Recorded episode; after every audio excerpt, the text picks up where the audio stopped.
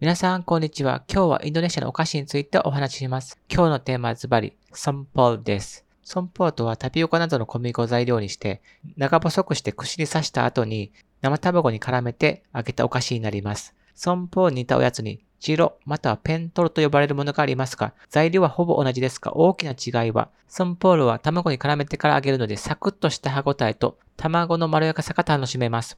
一口が日本円で5円ぐらいなので、子供のおやつとして大人気なんですね。皆様も一度お試しください。ご視聴ありがとうございます。それではまた明日。